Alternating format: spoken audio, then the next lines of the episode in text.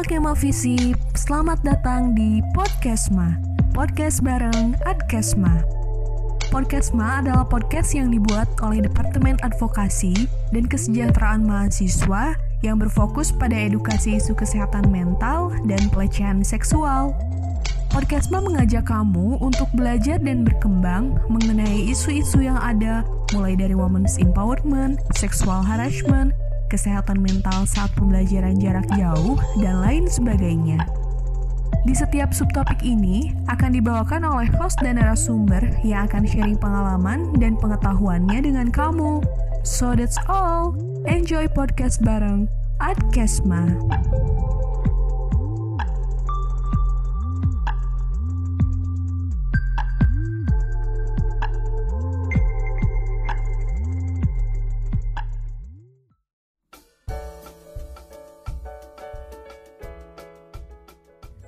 Visip, selamat datang di Podcastma, podcast bareng Adkesma. Bersama gue, Alaida Zahra, dan partner gue, Cynthia Juwita, yang akan menemani kalian selama 30 menit ke depan.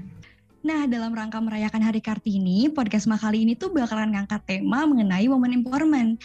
Tapi dalam pembahasannya kita bakalan ngehadirin special guest keren yang tentunya mumpuni untuk membicarakan tentang pemberdayaan perempuan. Siapa nih Cin kira-kira yang bakalan jadi pembicara kita di podcast kali ini? Nah, dalam pembahasan Women's Empowerment ini, kita bakal ditemenin sama Kak Kintan Sari Adina Putri. Kak Kintan ini adalah seorang Kartini muda yang juga ternyata ulang tahunnya mendekati Hari Kartini loh. Kak Kintan ini adalah seorang mahasiswi Fakultas Ilmu Sosial dan Politik UGM yang juga pernah mengikuti student exchange di Korea University. Keduanya meraih IPK yang hampir bahkan sempurna yaitu 3,93 di UGM dan 4,00 di Korea University keren banget ya. Dari IPK-nya aja, Kak Kintan ini udah kelihatan nggak cuma cantik, tapi juga cerdas dan konsisten dalam mempertahankan prestasinya. Gak hanya itu, Kak Kintan juga aktif di organisasi seperti BEM Himpunan Mahasiswa Islam, bahkan menjadi ketua dan pendiri Global Empowerment Steps, pengurus beasiswa unggulan muda Indonesia, Duta Muda ASEAN Indonesia 2019, sampai aktif mengikuti lomba-lomba seperti debat dan paper. Dan masih banyak lagi nih achievement dari Kak Kintan yang kalau kita sebutin satu-satu kayaknya malah habis ya satu sesi podcast kali ini. Bener banget sih Cien, pencapaian Kak Kintan ini juga bisa jadi inspirasi kita bahwa perempuan tuh bisa buat berdiri di kakinya sendiri dalam mencapai mimpi dan juga cita-citanya. Nah, salah satu alasan kita mau ngobrol tentang hal ini itu, salah satunya agar bisa ningkatin pengetahuan Kemal Visip mengenai pemberdayaan perempuan. Mungkin untuk lebih selanjutnya, kita bisa ngobrol-ngobrol sama Kak Kintan. Halo Kak Kintan, apa kabar? Halo Aida, baik banget nih kabar aku Alhamdulillah. Kamu gimana? Teman-teman gimana? Baik? Tentunya baik, dong. Kak. Alhamdulillah Kak. Nah, Alhamdulillah ya yang hadir di podcast kali ini sehat semua. Semoga yang dengerin podcast kali ini juga sehat-sehat di rumah. Apalagi lagi bulan puasa kayak gini jangan sampai sakit ya. Di masa pandemi kayak gini kan aktivitas di luar rumah ini jadi terbatas ya Kak. Kalau Kak Kintan sendiri masih aktif berkegiatan gitu ada atau ada aktivitas lain saat pandemi kayak gini? Mungkin bisa sharing sedikit nih sama kita tentang kesibukannya. Oke. Bicara soal pandemi ya teman-teman, ini pasti semua orang pasti ya uh, mengalami perubahan yang signifikan banget di dalam kegiatannya. Pun begitu juga aku ketika uh, pandemi melanda ya, walaupun sempat di rumah, kemudian sibuk melakukan produktivitas yang sifatnya aku suka nulis, uh, musik juga, uh, menggambar juga, tapi aku ngerasa kayaknya kurang kalau kita nggak terjun langsung gitu ke lapangan. Dan akhirnya aku memutuskan untuk tetap uh, mematuhi protokol ya, ini tetap pakai masker dan lain sebagainya tapi tetap jump in tuh kegiatan-kegiatan yang bisa bikin aku lebih semangat lagi. Contoh, aku saat ini sedang mengemban jabatan di, uh, di BMKM UGM selaku sekretaris jenderal, kemudian uh, masih juga aktif kegiatan di Duta Muda ASEAN di Indonesia dan juga mengurusi beberapa kegiatan pemberdayaan masyarakat yang saat ini kebetulan banget sedang uh, sedang bekerja sama dengan BMKM UGM untuk pemberdayaan masyarakat di TPST Piungan di Bantul. Itu sih mungkin uh, serangkaian kegiatanku yang aku ambil dan yang aku pilih selama pandemi ini. Karena aku percaya kalau misalnya perubahan ini kan akan terus terjadi ya teman-teman. Tapi ketika kita nggak mau mengambil kesempatan, tentunya kita yang akan mati gitu tentunya kita yang akan tertinggal so I choose to take my opportunity untuk uh, mengambil banyak aktivitas yang bermanfaat buat sekitar itu dari aku Wah, keren banget ya. Ternyata masa pandemi kayak gini nggak jadi penghalang untuk terus produktif. Yang penting protokol kesehatannya tetap lancar dong, tetap jangan ditinggalin. Nah, podcast kali ini kan juga berdekatan ya sama Hari Kartini. Sesuai temanya sendiri yaitu Women's Empowerment atau pemberdayaan perempuan yang masih ada kaitannya sama Hari Kartini. Menurut Kak Kintan sendiri, Women's Empowerment itu apa sih? Kalau kita bicara empowerment ya, uh, ada dua diksi nih, ada woman, ada empowerment kita bicara tentang perempuan dan kita bicara tentang pemberdayaan. Woman empowerment sendiri, sendiri bagiku aku artikan sebagai suatu uh, proses gitu. Bagaimana perempuan bisa maju uh, atau bisa memperjuangkan hal-hal yang memang sifatnya uh, bisa dia maksimalkan. Karena banyak sekali perempuan itu yang pada saat ini ya mungkin di era ini khususnya yang tidak mengetahui apa sih potensinya, apa sih kelebihannya, apa sih keutamaan seorang perempuan itu sendiri. Dan mungkin banyak masih perempuan di khususnya mungkin di Indonesia ya, yang belum uh, yang masih terstigmakan dengan peran-peran perempuan itu sendiri, yang masih terkotak-kotakan dengan peran perempuan itu sendiri. Jadi aku bicara tentang woman empowerment, aku bicara tentang proses bagaimana seorang perempuan itu dapat memaksimalkan potensinya, dapat memaksimalkan um, karya-karyanya dapat memaksimalkan kontribusinya untuk membangun sekitar, membangun masyarakat. Jadi nggak hanya Eh, nggak uh, hanya kita bicara tentang bagaimana perempuan itu setara dengan laki-laki ya, woman empowerment is more than that. Woman empowerment itu lebih kita uh, kita hapuskan dulu lah ini kita kesampingkan dulu nih. Ada variabel laki-laki gitu ya mungkin ada gender equal dan sebagainya. Kita fokus ke perempuan kita fokus ke bagaimana perempuan itu bisa berdaya dan berdikari itu sih mungkin singkatnya tentang woman empowerment dari aku. Oke, aku setuju banget sih Kak, yang mana women empowerment ini adalah salah satu cara untuk uh, kita memaksimalkan potensi yang perempuan miliki gitu. Karena yang kita tahu banyak banget nih dan masih dan sampai sekarang juga uh, kadang perempuan tuh masih tersigmakan dan juga terbatasi oleh uh, stereotip-stereotip yang ada di masyarakat. Nah, ngomong-ngomong tentang women empowerment, zaman sekarang ini kan kayaknya istilah feminis itu sangat amat erat hubungannya sama pemberdayaan perempuan. Nah, menurut kakak, hubungan peran feminis dan juga pergerakan pemberdayaan perempuan ini tuh ada nggak sih? Dan atau mungkin kakak sendiri adalah seorang feminis yang juga bergerak dalam uh, hubungan women empowerment ini? Gitu sih kak. Boleh mungkin dijelasin sedikit? Oke, okay, thank you, thank you. Ini very uh, intriguing questions ya. Karena ketika kita, karena kebetulan kita, aku juga divisi nih ya, divisi Paul juga bicara tentang teori feminisme, sebenarnya banyak sekali modelnya. Nah, aku akan fokus ke mungkin uh, feminis marxis atau feminis sosialis ya, yang memang ada dualisme beban kerja gitu. Ada beban kerja ganda yang dilimpahkan kepada perempuan, baik itu di masa zaman dulu gitu ya, hingga sekarang kalau zaman dulu mungkin ketika kita melihat zaman gitu ya di era-era feodalisme, di era-era penjajahan dan lain sebagainya, perempuan banyak yang terjun ke medan perang dan perempuan banyak juga yang uh, tetap bekerja di rumah atau bahkan menjadi pelayan kerajaan ketika era feodalisme. Tapi ketika sekarang ternyata ton itu tidak berubah, ternyata uh, pattern itu tidak berubah.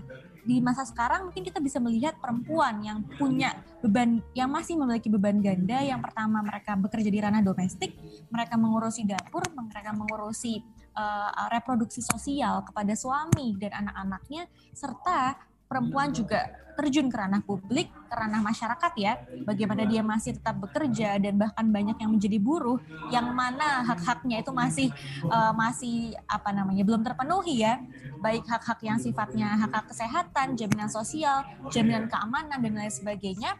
Dan di situlah mungkin kita melihat bagaimana uh, urgensi dari woman empowerment ini sendiri timbul urgensi dari bagaimana kemudian kita tidak hanya memperjuangkan tadi ya. Yang pertama aku menyebutkan um, how we can uh, enlarge our opportunity gitu sebagai seorang perempuan muda, tapi kita juga satu sisi uh, melihat ranah-ranah ketidakadilan di mana perempuan-perempuan ini masih diberlakukan secara tidak adil dan secara tidak setara mungkin. Seperti itu. Jadi uh, ketika kita bicara feminism, kemudian kita bicara, kita bicara um, woman empowerment, tentunya ini akan saling stimulus gitu, saling saling stimulan untuk mendukung satu sama lain. Di mana gerakan-gerakan feminisme ini tentunya dapat menjadi stimulus untuk bagaimana kita bisa memperjuangkan uh, gender equality dan juga menguatkan woman empowerment itu sendiri.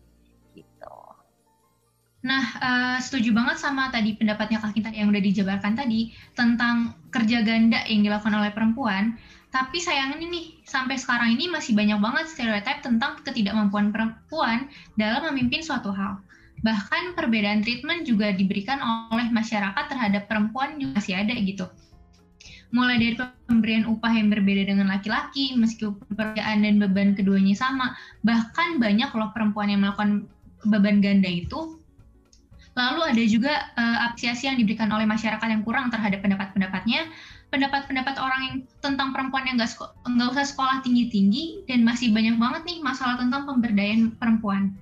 Menurut Kak Kintan sendiri itu hal-hal kayak gitu tuh salah nggak sih? Dan kenapa Kak Kintan berpendapat seperti itu?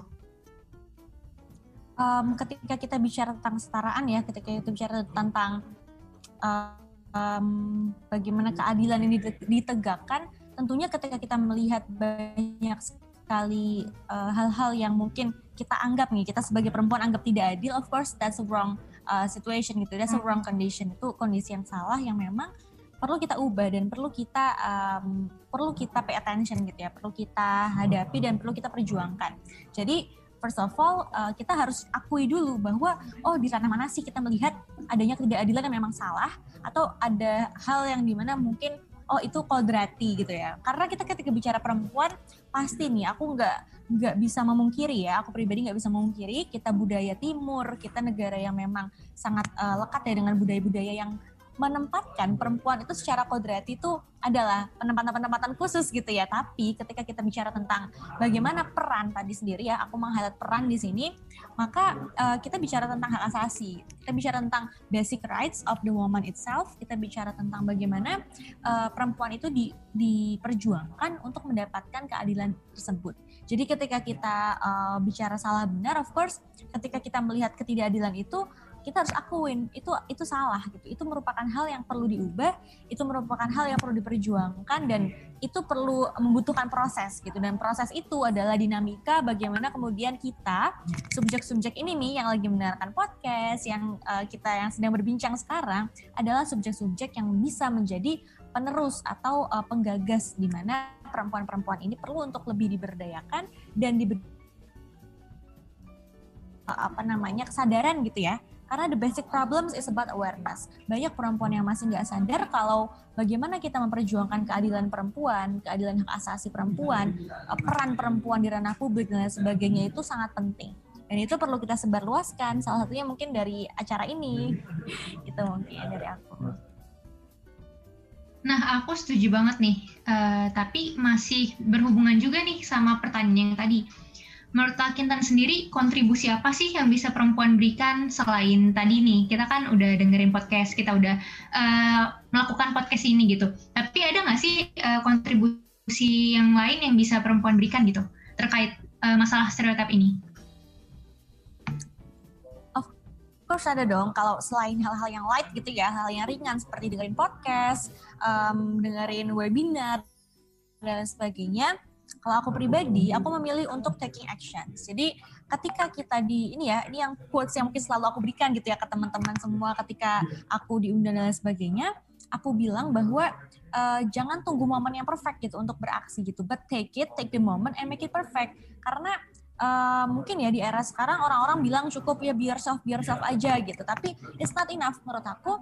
Uh, kita perlu beyond ourselves gitu, tapi be the best version of ourselves. Jadi be the best version of you. Kalau kamu mau jadi perempuan yang tangguh ya, mau memperjuangkan hak asasi perempuan, kemudian mau memperjuangkan how the woman empowerment itself works gitu ya. Nah, kita perlu untuk taking actions. Jadi kita perlu untuk tidak hanya apa mendengarkan atau menjadi pihak kedua ya, pihak pasif gitulah bahasanya tapi kita juga menjadi pihak aktif. Maksudnya gimana? Pihak aktif ini kita menjadi uh, orang pertama gitu yang melakukan. Baik itu di dalam penyebaran informasi entah mungkin dari uh, mungkin teman-teman yang punya sosial media bisa disebarkan feeds feedsnya atau storiesnya atau yang teman-teman uh, suka dunia kepenulisan silakan buat tulisan-tulisan yang bisa mengedukasi tidak hanya kita yang uh, terus menerus disuapi ya oleh ilmu tapi perlu kita juga untuk taking actions untuk menyebarkan ilmu tersebut. Dan terakhir kalau misalnya teman-teman punya tas lebih dan mungkin apa resources yang memadai ya, silakan buat gerakan, silakan buat komunitas, silakan buat perkumpulan yang memang teman-teman tidak sendirian dalam memperjuangkan hal tersebut gitu. Karena di dalam memperjuang sesuatu ya, kita perlu gerakan yang terorganisir seperti itu.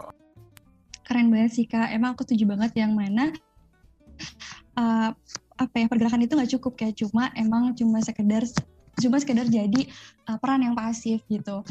Nah, aku juga penasaran nih Kak, dari tadi kan Kak Kintan udah ngomongin tentang pergerakan dan juga kegiatan Kak Kintan tuh udah banyak banget.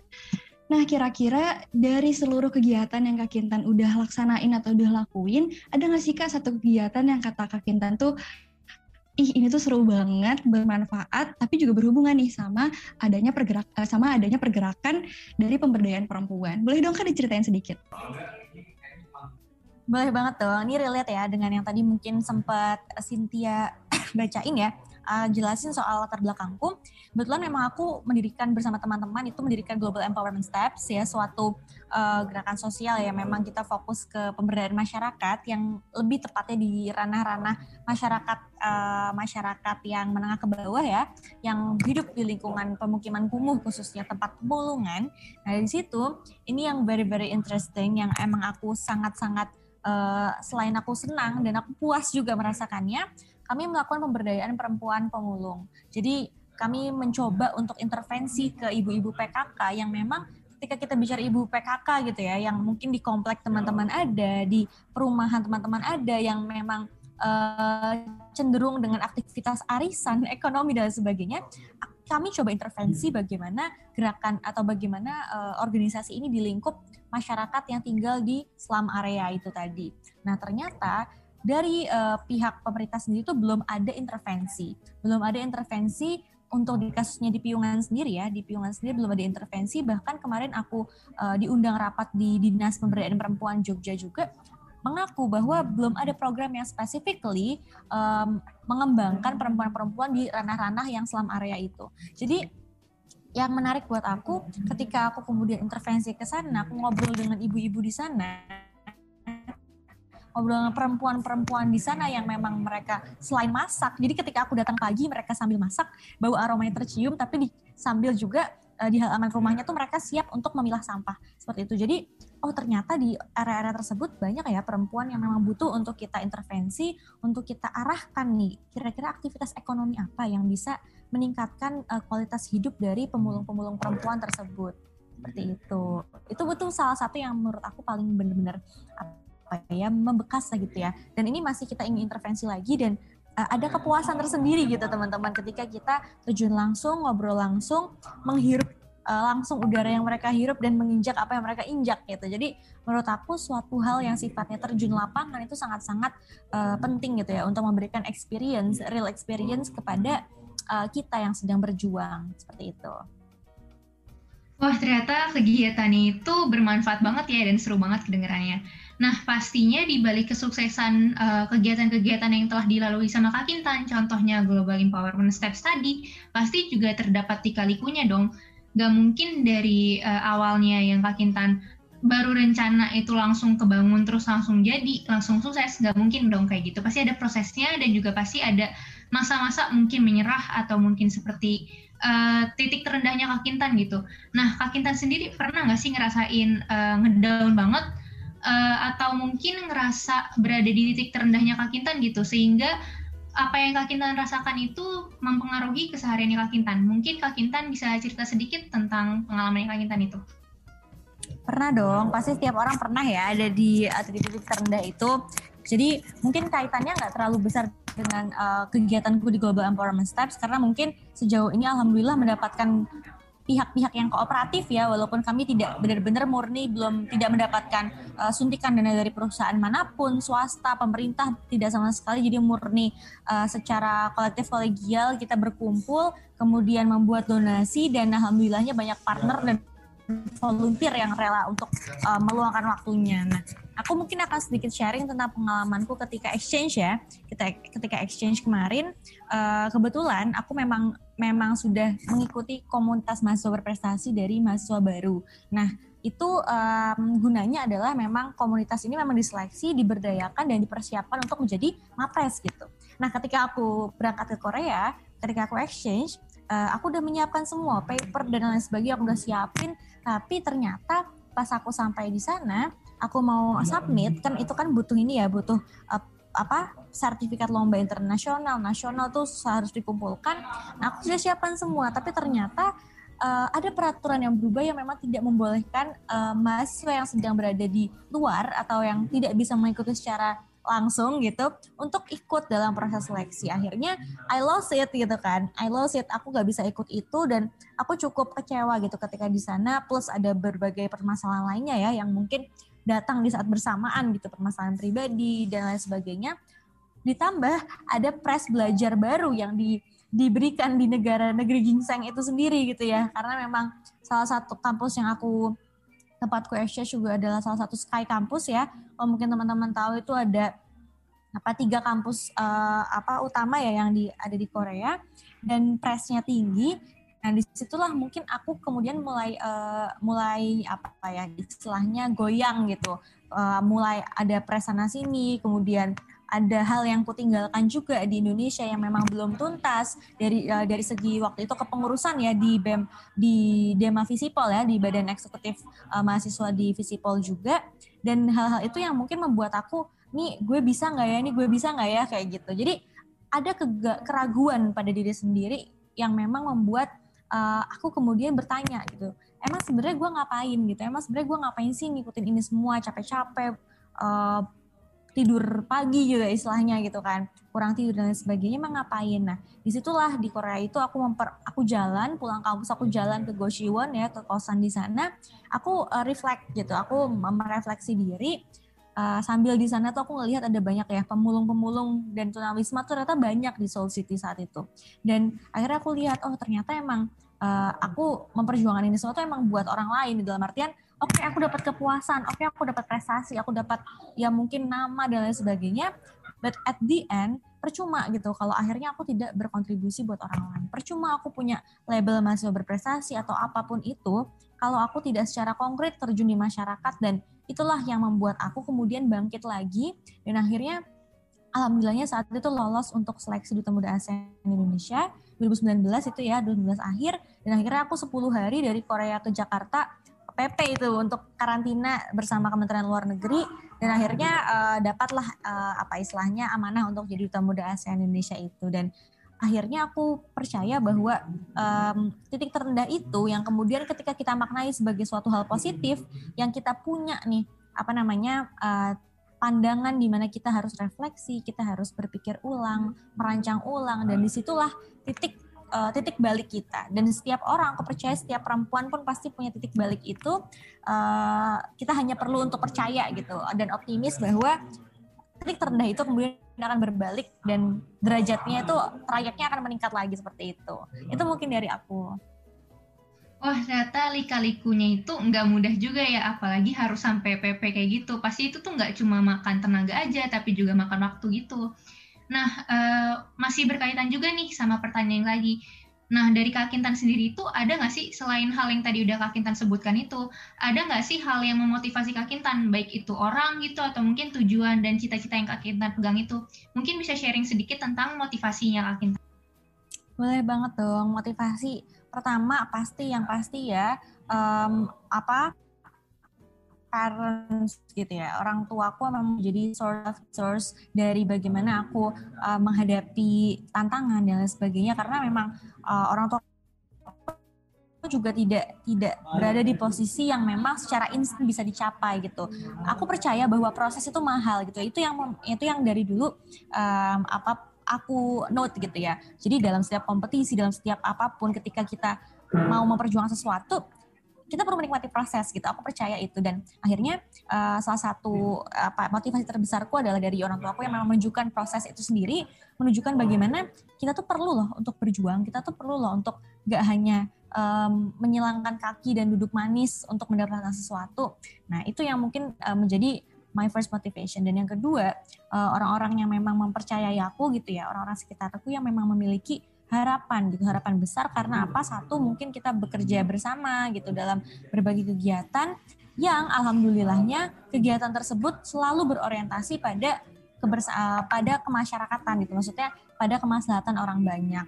Dan itulah yang mungkin uh, apa istilahnya aku intisarikan ya aku sarikan dalam uh, kalau di ilmu sosial kritis itu namanya prophetic leadership. Jadi kepemimpinan profetik yang mana ada tiga poin gitu. Yang pertama adalah humanisasi ya, uh, humanization. Kedua adalah liberation atau uh, liberasi. Ketiga adalah transcendence atau transendensi. Nah, tiga ini yang kemudian bisa menjadi roda motivasiku yang berputar terus menerus. Bikin aku konsisten bikin aku uh, humanisasi tuh memanusiakan manusia gitu ya. Ketika capek ya udah inget kalau lo tuh kerjain itu tuh bukan buat lo doang lo tuh uh, lo tuh sedang digantungkan oleh orang lain gitu orang banyak. Orang banyak sedang bergantung sama lo gitu. Terus yang kedua liberation orang-orang di luar sana yang mungkin tidak dapat kebebasan, yang uh, buruh-buruh yang memang masih terikat oleh upah yang di bawah standar dan lain sebagainya, itu juga bergantung pada kita gitu. In my case, aku policy uh, public policy ya jurusanku, uh, I will be a policy maker, a good policy maker gitu to change the system dan lain sebagainya. Dan yang ketiga transcendence, mungkin itu uh, peran orang tua di sana ya, karena transcendence ini artinya adalah hubungan kita dengan Tuhan gitu. Aku percaya bahwa spiritualitas ini penting untuk um, meningkatkan kinerja, produktivitas, dan sebagainya. Karena without spirituality, kita akan sulit untuk punya emotional quotient yang baik atau punya apa ya istilahnya spiritual quotient yang baik ini karena hal-hal ini yang kemudian secara uh, secara aktif gitu akan menjadi stimulus kita dalam melakukan kegiatan-kegiatan yang memang bermanfaat itu jadi uh, those kind of things adalah my source of motivation gitu. Oke, okay mungkin mahasiswa-mahasiswa yang lagi struggle nih sama masalah atau yang lagi diambang batas menyerah juga bisa take a note dari uh, tips-tips uh, dan juga uh, trik yang tadi Kak Kintan udah yang tadi Kak Kintan udah bicarain mengenai mengenai refleksi diri, percaya untuk mencapai uh, mencapai uh, mimpi dan juga nikmatin proses yang paling penting gitu. Gak kerasa nih, udah kita udah diskusi selama 30 menit yang mana yang mana akhirnya uh, sebentar lagi kita akan menuju kepada penghujung acara. Nah, sebelum penutupan boleh nih Kak kita minta satu dua pesan atau closing statement buat kemah visip yang dari tadi udah dengerin. Oke, uh, udah sampai di penghujung bahasan ya, nggak kerasa. Padahal seru banget nih bicara soal perempuan, bicara soal woman empowerment. Um, aku ya prinsipku untuk bagaimana kita sebagai perempuan itu bisa menjadi uh, limitless gitu ya bagaimana aku dari awal aku memaknai woman empowerment ini, woman empowerment ini sebagai proses ya proses atau uh, proses kita memupuk bagaimana agar perempuan ini bisa menjadi lebih dari apa yang dia tahu tentang dirinya gitu ya. Jadi aku akan mengambil salah satu kata-kata dari Helen Keller. Um, she was a writer ya. Ketika itu dia memiliki dia disabilitas, tapi dia menjadi seorang penulis karya-karyanya sangat-sangat terkenal, bisa menginspirasi banyak orang, dan dia adalah seorang perempuan. Dan dia ada perempuan itu terkenal dengan bagaimana dia bisa melakukan hal yang uh, apa istilahnya beragam ya, hal yang beragam dalam satu waktu. Bahkan perempuan pun terkenal dengan bagaimana kemampuannya melebihi dirinya gitu. Mungkin kalau orang-orang melihat perempuan yang berjuang sedang mungkin kalau melahirkan dan lain sebagainya mungkin orang-orang bercaya oh ya itu hal biasa hal biasa. Padahal ketika kita lihat in reality mungkin banyak yang memang tidak uh, menyadari gitu bahwa itu perempuan yang sudah berjuang seperti itu adalah perempuan yang memang sudah berusaha melampaui dirinya. Dan dalam uh, dalam kata-katanya Helen Keller berkata bahwa life is a daring adventure or nothing. Jadi bagaimana perempuan memaknai kehidupan adalah bagaimana perempuan harus berani, perempuan harus mengambil kesempatan yang ada di depan matanya untuk bisa uh, memperjuangkan hak-haknya, untuk bisa menunjukkan peran-perannya, kontribusinya yang nyata untuk dunia luas, untuk masyarakat, dan memberikan inspirasi yang seluas-luasnya untuk bangsa dan untuk membangun bagaimana peradaban itu sendiri akan berjalan. Karena tanpa adanya seorang perempuan, eh, karena sebuah peradaban itu bobrok atau baiknya adalah bergantung pada perempuan yang ada dalam peradaban tersebut. Jadi aku berharap kita bisa menjadi perempuan-perempuan di peradaban saat ini yang bisa membangun um, this civilization menjadi uh, peradaban yang baik, bermoral dan apa istilahnya peradaban yang akan bisa membawa pada kemajuan untuk generasi mendatang. Itu mungkin dari aku. Terima kasih. Mungkin sedikit aku simpulin dulu bahwa pemberdayaan perempuan itu bukan hanya tentang perjuangan kesetaraan gender, lebih dari itu pemberdayaan perempuan itu adalah sebuah proses pergerakan perempuan untuk memaksimalkan potensi dalam perannya di dalam masyarakat dan peradaban ke depannya. Oke deh Kak, thank you banget nih untuk kehadirannya dan juga serta ilmu yang tadi udah dibagiin. Sukses terus Kak buat segala urusan yang uh, Kakak jalanin ke depannya. Thank you, thank you, thank you juga. Makasih teman-teman udah sharing-sharing. Aku senang banget nih bisa berbagi pikiran nih sama teman-teman di BEM Sip 4. Okay. Uh, thank you juga buat Kemo Fisip yang dari tadi udah dengerin. Jangan bosen buat dengerin podcast Ma, karena ke depannya podcast Ma bakalan membahas mengenai permasalahan-permasalahan mahasiswa yang gak kalah seru. Gue Alaida dan dan partner gue Cynthia pamit undur diri. Sampai jumpa di podcast Ma selanjutnya. Dadah. Dadah. Bye-bye.